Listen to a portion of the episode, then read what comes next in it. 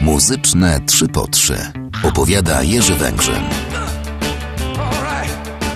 Kto powiedział, że efekty perkusyjne muszą być generowane wyłącznie przez instrumenty perkusyjne? Tak naprawdę oczywiście każdy sposób jest dobry, byle tylko osiągnąć pożądany rezultat. Artyści wykorzystują więc do tego celu najprzeróżniejsze, mniej lub bardziej przypadkowe przedmioty, ale także własne ręce i nogi. Czasem jest to działanie świadome, a czasem wychodzi przypadkowo. Jak wtedy, gdy Mark Bolan i jego T-Rex nagrywali w Nowym Jorku album Electric Warrior. Bolan nawet do studia przychodził w swoim glamowym rynsztunku, a więc i w butach na koturnach. No a w trakcie nagrywania nie umiał ustać nieruchomo. Jego ciało poddawało się muzyce. Na początku piosenki Gypster słyszymy więc wyraźnie, jak Bolan uderza rytmicznie obcasami w podłogę.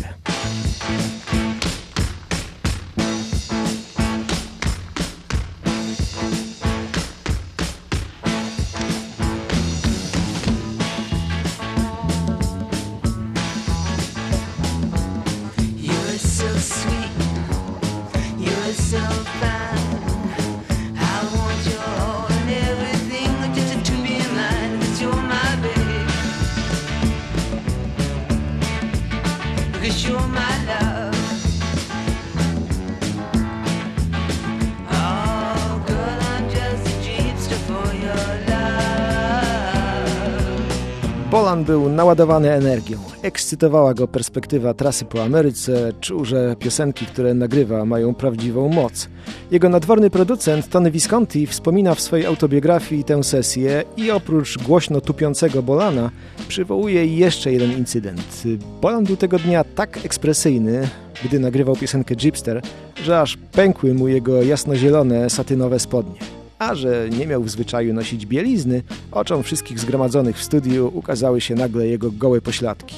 Ani trochę to artysty nie speszyło. Jakby nigdy nic, Prze wszystkich ściągnął więc spodnie i podał swej obecnej na miejscu dziewczynie do zszycia. W tym czasie sam, nagi od pasa w dół, czekając aż dziewczyna zakończy swą pracę, usiadł przy pianinie, coś tam sobie podgrywając. A wracając do naturalistycznych efektów perkusyjnych, Słychać je nawet w bardzo starych nagraniach, choćby w klasycznym leniwym bluesie Jimmy'ego Reeda Little Rain.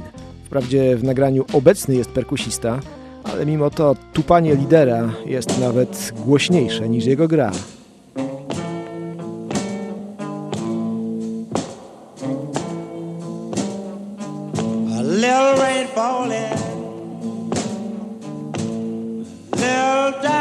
Keep away in time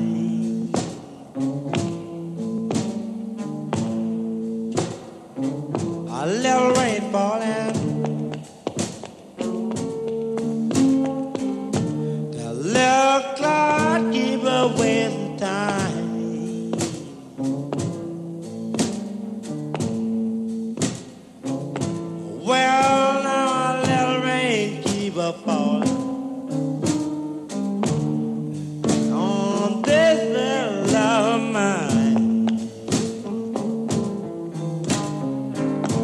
Oczywiście najpopularniejszą piosenką, w której za perkusyjne efekty odpowiedzialne są tupiące nogi artystów, jest We Will Rock You grupy Queen. To była piosenka tworzona z myślą o tym, by do wykonywania jej w trakcie koncertów włączyć publiczność i zaangażować ją tak bardzo, jak tylko się da. A więc nie tylko do śpiewania. Już studyjna wersja We Will Rock You podpowiadała widowni co ma robić, bo prawdziwej perkusji nie ma tam w ogóle. Wszystkie rytmiczne odgłosy to było po prostu zwielokrotnione przez studyjne nakładki, klaskanie i tupanie muzyków Queen. Osiągnięcie pożądanego efektu nie było wcale takie proste. Piosenka powstawała przecież w czasach analogowych. Zarejestrowane ścieżki więc dublowano, a każdą kolejną nakładkę dodawano do nagrania z coraz większym opóźnieniem. W przeciwieństwie do utworów Marka Bolana i Jimmy'ego Reeda, nie można było w tym przypadku mówić o spontaniczności. Tu rzecz była gruntownie przemyślana, ale efekt był taki, jaki muzycy sobie wymarzyli. Piosenka stała się koncertowym hymnem, a podczas jej wykonywania fani ochoczo włączali się do zabawy.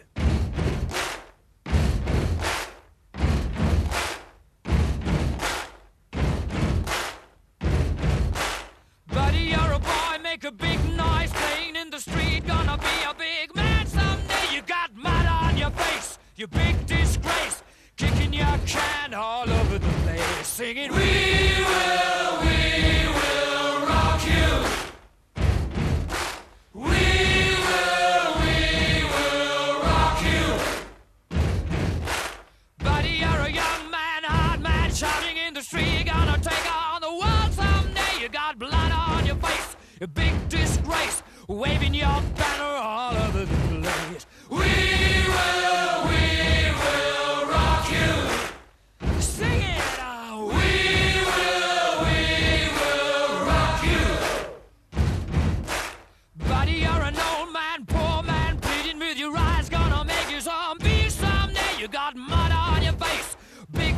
disgrace. Somebody better put your bag into your